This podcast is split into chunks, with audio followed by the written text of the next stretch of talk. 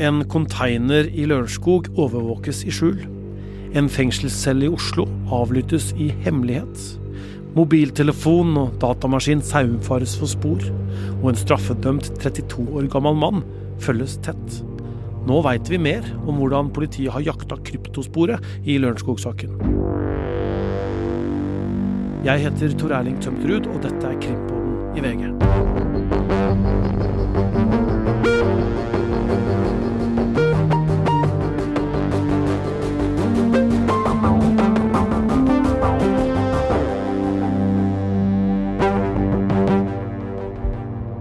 Det er fem år sia, på dagen denne episoden publiseres faktisk, at den da 68 år gamle bestemora Anne Elisabeth Hagen forsvant fra hjemmet sitt i Lørenskog. Drapssaken og forsvinningen er ikke oppklart, men politiet har ikke gitt opp jakten på svar som kan løse denne gåten. Tre menn er sikta, men ingen erkjenner skyld. VG og Krimpodden kan nå fortelle en hittil ukjent historie om en hemmelig etterforskning fra vintermånedene mellom 2021 og 2022. Og i sentrum står en straffedømt mann på 32 år med bakgrunn fra Sri Lanka. Og alt dette ender med en ny siktelse i Lørenskog-saken noe seinere, men denne historien starter med noe helt annet, Øystein.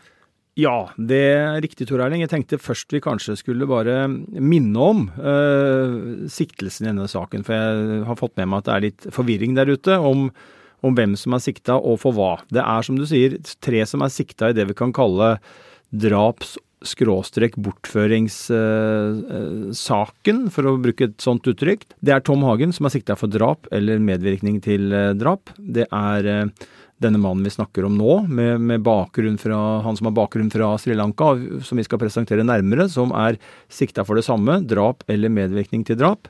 Og så har vi denne såkalte kryptomannen som ble pågrepet ti dager etter at uh, Tom Hagen ble arrestert. Han uh, er sikta for uh, bortføring eller medvirkning til bortføring. Og så er det en såkalt fjerde sikta, men han har fått uh, siktelsen redusert, og for alt jeg vet så kan det godt hende at den er lagt bort nå også, men han har blitt fada ut av saken, for han har fått til en siktelse for identitetskrenkelse som nå henger over ham. Men det er da en siktelse som uh, ikke knytter seg til denne saken, og vi oppfatter at politiet er ikke interessert i han, og at de tenker at han er i hvert fall ikke involvert i saken. Så er det, som du sier, et, en tilfeldighet som gjør at denne mannen blir knytta inn i Lørenskog-saken, og det handler jo da om en Økokrim-sak. Mm, for det starter i et eh, kontorfellesskap den 18. august i 2020. Og der er det en mann, altså den mannen som vi nå skal snakke om, som leier en plass, eh, ifølge våre opplysninger. Og han driver bl.a. med kjøp og salg av eh, aksjer. Og så er det jo sånn at eh, Økokrim de går inn på den eh, kontorfellesskapsplassen hans. Ja, de driver en etterforskning, og i denne etterforskningen så er det da et av, et av stegene er å undersøke arbeidsplassen og, og, denne mannen her spesifikt. Og de pågriper ham. Han siktes da for grovt helleri og grov hvitvasking. Eh, nekter skyld. Men etterforskerne tar da med seg en rekke, eller i hvert fall noen beslag, blant annet en Mac og en iPhone. Og det er jo dette beslaget da som blir interessant for oss i denne historien.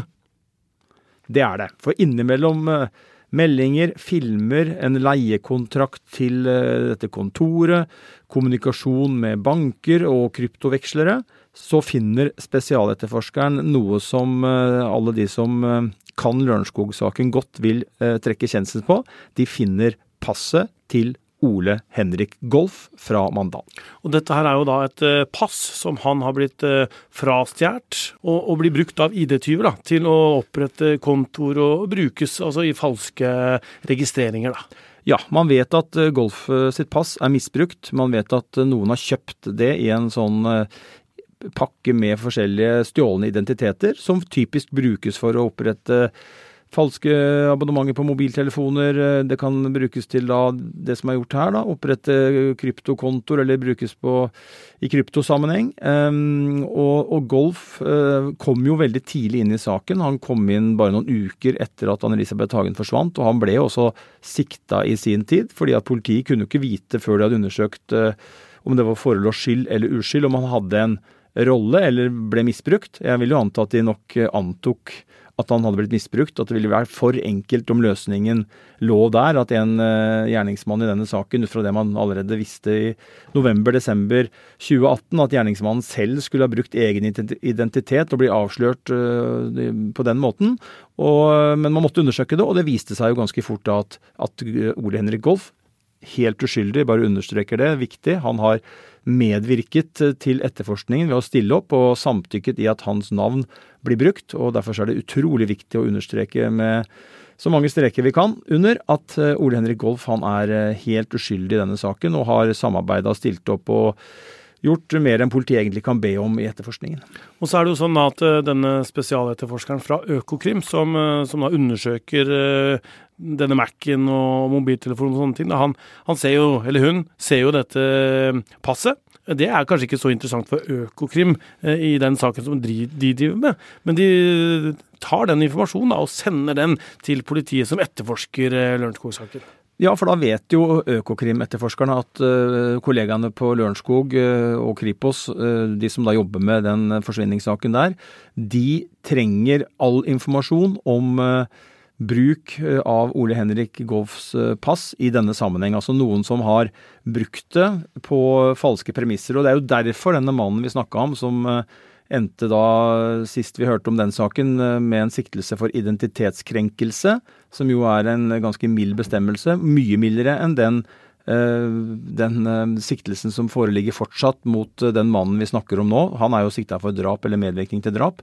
En av flere mulige veier til målet i denne sammenheng, nemlig å oppklare saken, finne ut hva som skjedde med Anne-Elisabeth Hagen, det kan jo være å finne den mannen som har brukt Ole Henrik Golf sitt pass i Lørenskog-saken. Og da sier det seg sjøl at man, eh, jo flere man klarer å avdekke at har brukt dette passet, jo flere kan man for det første utelukke. Og hvis man sitter etter hvert med en, en stor nok liste, så kan man jo også være heldig å ha selve gjerningsmannen eh, foran seg. Ja, for jeg har skjønt det sånn at eh, det passet det inngår, som du sa, i en slags eh, pakke med ID-er som man kan få kjøpt eller bytta til seg på det mørke nettet?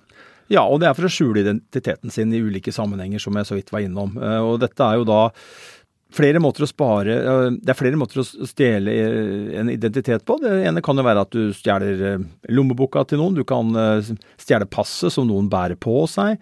Det kan være folk som mister identitetspapirer. Det kan være innbrudd i eneboliger.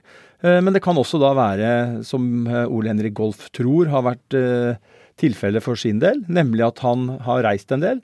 Og det har vi jo alle opplevd, at du må levere passet i hotell skranken. Og hvis det da jobber en uh, utro tjener der som tenker at uh, hotellønna er uh, dårlig, og jeg har lyst til å tjene litt mer penger, så kan jo det å kopiere eller sikre seg da disse passene til forskjellige hotellgjester, det kan jo være en inntektskilde og, og, og, ja, være interessant da å på en måte ta disse identitetene til folk og misbruke dem. Og det er ikke en anbefaling til alle dere som jobber på hotell, da?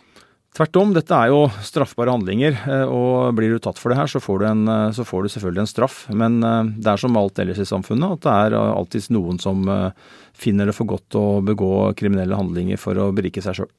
Men uansett, da. Politiet som etterforsker Lørenskog-saken, de får denne informasjonen, og da mistenker de denne mannen for drap eller medvirkning til drap, uten at han veit det sjøl. Og da er vi på et tidspunkt rundt jul, nyttårsaften mellom 2021 og 2022. Ja, da innledes en hemmelig etterforskning mot ham. Eh, og det er bl.a. sånn at man eh, begynner å avlytte cella hans, et besøksrom. Og han sitter inne, han da? Han sitter inne. Eh, og man tenker da at det kan være mulig at han får besøk eller snakker med noen om dette, som gjør at man kan komme videre i Lørenskog-saken. Og så er det jo sånn at han er jo da formelt sett siktet på det tidspunktet. Det krever jo rettens kjennelse, og da må det være sannsynlighetsovervekt. Eh, for at du skal kunne gå til et så drastisk grep og avlytte telefoner eller eh, rom, eller som det er snakk om her, da. Men den formelle siktelsen mot ham for, eh, i Lørenskog-saken, den utferdiges i, i, mai 2022. Så er det viktig å si her nå, fordi at vi er inne på to personer, nevnt to personer, som begge har hatt tilgang til Ole Henrik Gov sitt pass. Og sånn som jeg leser denne status her, så er det stor forskjell på dem. Eh, vi vet, som vi var innom, at denne ene mannen han har fått eh, nedjustert den siktelsen sin til å være identitetskrenkelse. Men eh, vi sendte et spørsmål til Lars Reinholt Østby, som er prestetalsmann i Lørenskog-saken, rett før vi spiller inn denne episoden, med status, og ba om en status på siktelsen mot denne mannen som var under etterforskning av Økokrim. For det er gått et år siden vi hørte om det sist. og Reinhold Østby bekrefter at eh, det er den samme statusen, og at det han sa for et år siden står seg. Og det han da sa, var at eh, denne, la oss kalle Økokrim-etterforskede mannen, han var sikta for drap eller medvirkning til drap etter at politiet hadde sammenstilt opplysninger om ham, og at de mener at han har en rolle i forberedelsene i Lørenskog-saken. Så min tanke er jo at politiets oppfatning er at de, de, har noe mer, og at de har et grunnlag som er godt nok til å holde han sikta, og at de da kan argumentere for at det er mer sannsynlig at han er involvert i det de har kalt den planleggende fasen, enn motsatt. Men så har vi jo forsvareren som er veldig tydelig på motsatt side. Vi eh, har fått eh, en mail fra Marius Dittriksson, som, eh, som, er advokaten til denne mannen som vi har omtalt som han som etterforskes av Økokrim, for å holde disse skikkelsene litt fra hverandre. Og Dittriksson sier jo til VG at han beklager at vi har fått hånd om informasjon fra etterforskningen som også da publiseres. Etterforskningen har nemlig vist at siktelsen mot min klient ikke er riktig, og at han ikke har noe med saken å gjøre. Jeg vil derfor ikke bidra til mer omtale av saken. Eh, og det står jo da er jo stikk i strid med hva vi akkurat har fått eh, beskjed om fra politiet og, og Lars Reinholt Østby, som jo sier at de mener siktelsen og det grunnlaget som de redegjorde for eh, i mediene for et år siden, står seg. Så da har vi en klassisk påstand mot påstand, politi mot forsvarer. Men uansett så overvåker da politiet fengselscella hans og dette besøksrommet, og de prøver da å finne noe info for å sjekke ham enten inn eller ut av denne saken. Jeg har i hvert fall ikke da sjekka ut av saken ennå. Nei, ingenting tyder på det. Og så er det informasjon om at politiet også har overvåka et eh, minilager. Et eh, sånn lagersted hvor det er sånne konteinere som du kan eh, leie. Og en av disse konteinerne har knyttes til denne mannen som ble etterforska av Økokrim, som du sier. Hva er det de prøver å oppnå med det? Jeg tenker det kan være flere ting. For det første så er det jo sånn at man eh, Det kan jo være at noen eh, spor eller gjenstander som, knytt, som kan knyttes til forsvinningen, fortsatt ikke er eller var kasta. Det kan være at eh, denne, dette kunne kanskje være et møtested. At man har den i konteineren og tenker at det er et fint møtested for noen som eventuelt var med, eller er medsammensvorne i en eh, kriminell handling, og da i dette tilfellet eventuelt Lørenskog-saken, eh, eh, sånn som politiet da ser det, og hvilke hypoteser de bygger rundt det. Og så kan det jo, så er det sånn at man mangler jo en, en død kropp her, så man kan jo tenke seg at politiet kanskje ville undersøke om, om det fantes noe gjenstander eller uh, andre spor som kunne peke i retning av hvor, et lik var skjult, dersom det skulle ha seg sånn at denne mannen var involvert i noe sånt. Og det er jo viktig, og det er viktig å understreke at, at, det at politiet undersøker alle disse tingene her, betyr jo ikke at man mener at han har gjort det eller er skyldig i noe. Dette er jo ren etterforskning, og vi har vært inne på det 100 ganger før. Det å utelukke ting og etterforske spor ut og kunne legge det bort, er like viktig nesten som å, som å sjekke noe inn. Og her er det jo sånn at det ikke ble gjort noen funn, men uh, politiet var jo da helt avhengig av å etterforske dette så grundig som mulig for å kunne klare å konkludere med det. Mm. Vi husker jo i denne saken her at uh, når, da Tom Hagen, ektemannen, kom hjem eh, for å se etter eh, Anne-Elisabeth, så fant eh, ikke han henne, men han fant et brev, trusselbrev, med krav om pengebetaling i form av kryptovaluta. Og, og der var det jo en sånn litt sånn avansert kodegreie, hvor man kunne sende hverandre beskjeder til denne motparten da, via noe sånn bitcoin-salg osv. Men i denne saken som vi snakker om nå, der også sjekker da politiet dette opp imot noen mobiltelefoner fra denne siktede mannen som de har funnet. Ja, det er riktig. Man vil jo foreta, og dette gjør man nok med flere kandidater, at man har jo noen faste punkter, tidspunkter i denne saken. Eh, man har etter hvert klart å finne ut av noen dager på sommeren, forsommeren og gjennom sommeren i 2018 hvor man mener at det er foretatt fysiske handlinger i kryptoverden som kan knyttes til saken. Så har man jo forsvinningsdagen og tidspunktet for det. Og så har man også kommunikasjon med eh, Tom Hagen, altså den såkalte motparten, har hatt en kommunikasjon med Tom Hagen på noen enkelte tidspunkter i etterkant. Og man har jo også denne overføringen av én eh, million euro, var det vel, i eh, Monero, som Hagen overførte til motparten. Dette er jo faste tidspunkter som man på både dato og klokkeslett kan slå fast. Og da er det jo selvfølgelig interessant å og det gjelder ikke bare denne mannen, eller alle man kommer over og som man vil sjekke, da, så er det å se om ja, hvor, vi, hvor, var du den dagen? Hva foretok du deg? Hva kan vi knytte deg til? Uh, har vi videobilder av deg noen steder? Har vi uh, noe Har du hatt telefonkontakt med noen? Har du logga deg på noen nettsteder? Uh, har du, har du noen, og nå har man da funnet noen mobiltelefoner, og da vil man jo selvfølgelig sjekke om det er, om det er noen tegn da, som kan tyde på at oi, her har du en, eh, vært, vært et sted, kontakta noen, eh, vært inne på et eller annet, eh, logga deg inn på noe. Altså det er tusen, om ikke tusen, så i hvert fall mange muligheter da, til å sjekke sånne ting for å se om man får noen treff, og sånn sett kan underbygge en hypotese om at du enten har noe med det du anklages for å gjøre, eller eventuelt også motsatt, at du taler vekk fra det. Og en av de tingene som man kan sjekke nå, er jo denne helseappen som ligger på veldig mange iPhoner, eller ligger vel på alle nye iPhoner, eh, som tracker egentlig livet ditt. Ja, det er riktig, og det er jo et tema i denne saken eh, fra før. Anne-Elisabeth Hagens telefon hadde også en helseapp, og det er jo kommet opplysninger om at der er det en bevegelse Eh, i et kritisk tidsrom, altså etter klokka 09.14. Og eh, ja, vi har vel ikke hørt eller sett det eksakte tidspunktet, men det skal være ja, mellom kvart over ni da, og fram til uh, tidlig formiddag, ti, halv elleve, hvor det er en bevegelse. Og Det samme gjelder med disse telefonene man har fått hånd om her hos denne Eh, Økokrim-etterforskede mannen, for å kalle ham det, eh, så undersøker man jo da selvfølgelig også den biten av det. Nemlig om, om det er noen bevegelser eh, på helseappen som kan som kan eh, lede politiet i en retning av en hypotese, eller eventuelt enda mer i retning av noe mer håndfast. Og Vi husker jo også i saken mot eh, Laila Berthesen, så ble jo den helseappen eh, viktig for å tegne et bilde av hennes bevegelser, av disse tidspunktene hvor det skal ha skjedd noe i hjemmet deres. da. Det er riktig, og dette er jo en av Det er jo ikke nytt, men det er jo forholdsvis nytt. Og det er jo en av oppsidene ved et uh, samfunn som, hvor vi legger igjen enda flere spor. Uh, vesentlig mer enn vi gjorde bare for noen år siden, eller i hvert fall for 10-15 år siden. Så er jo Oppside for politiet kanskje, ja, men ikke for alle andre? Nei, nei det, men, ja, eller noen vil jo være det for også, ikke sant. Hvis du blir anklaga for noe, så sier du nei, men jeg har ikke vært der. Og så kan du legge fram bevis på telefonen din eller på noe annet at eh, du har alibi, så vil det jo være en fordel for deg også. Så det er ikke bare ulempe ved det. Men, men men det er i hvert fall blitt et tema, da. Politiet fant jo også, ifølge våre opplysninger, eh, noe litt sånn konkret også. Det var noen skjermdumper der av noen artikler. Det kan jo ha vært fra VG?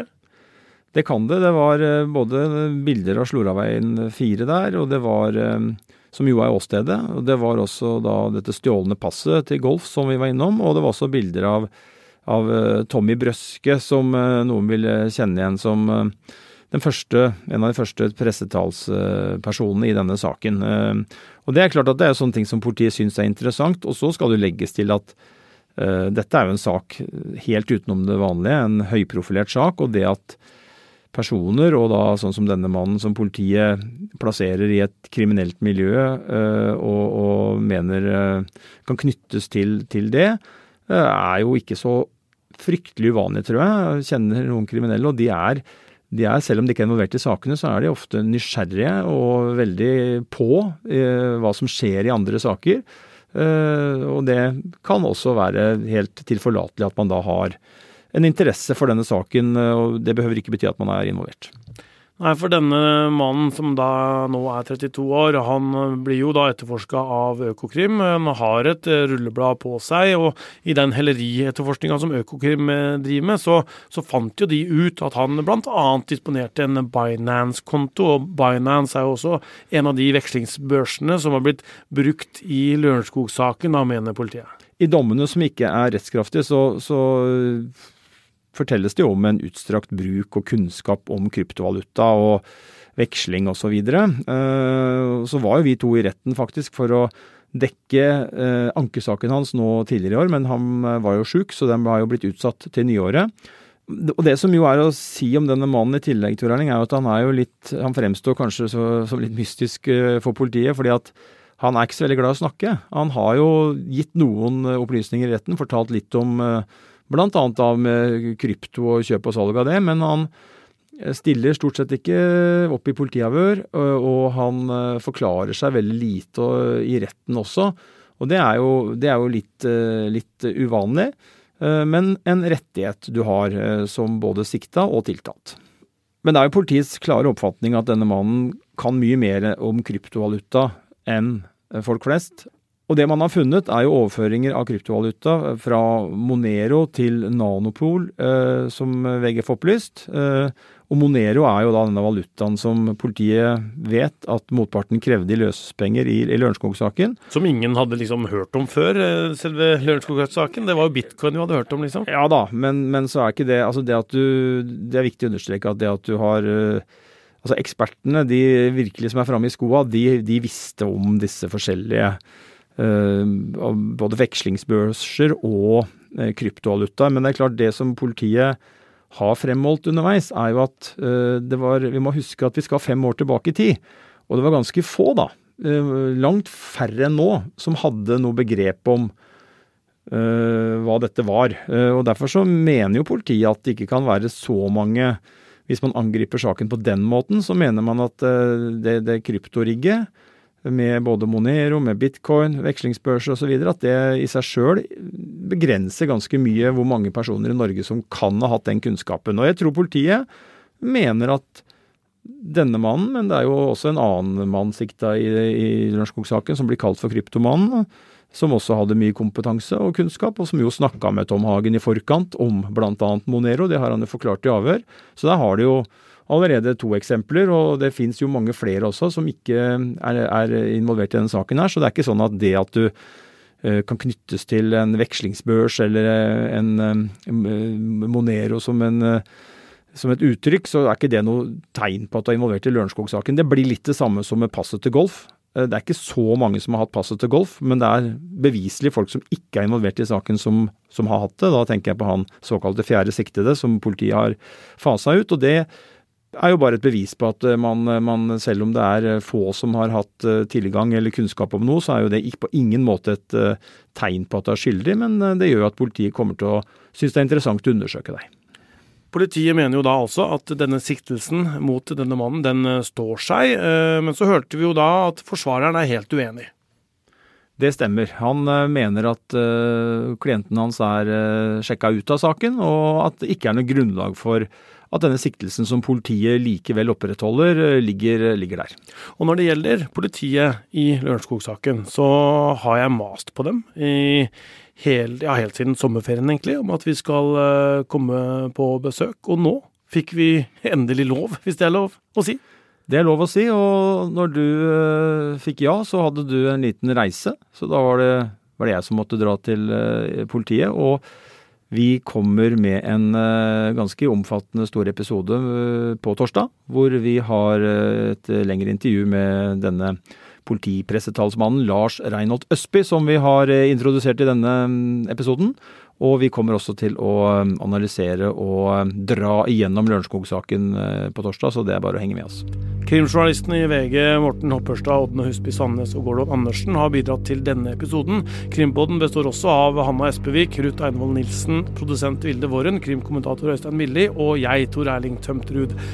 Nyhetssjef er Emilie Halltorp.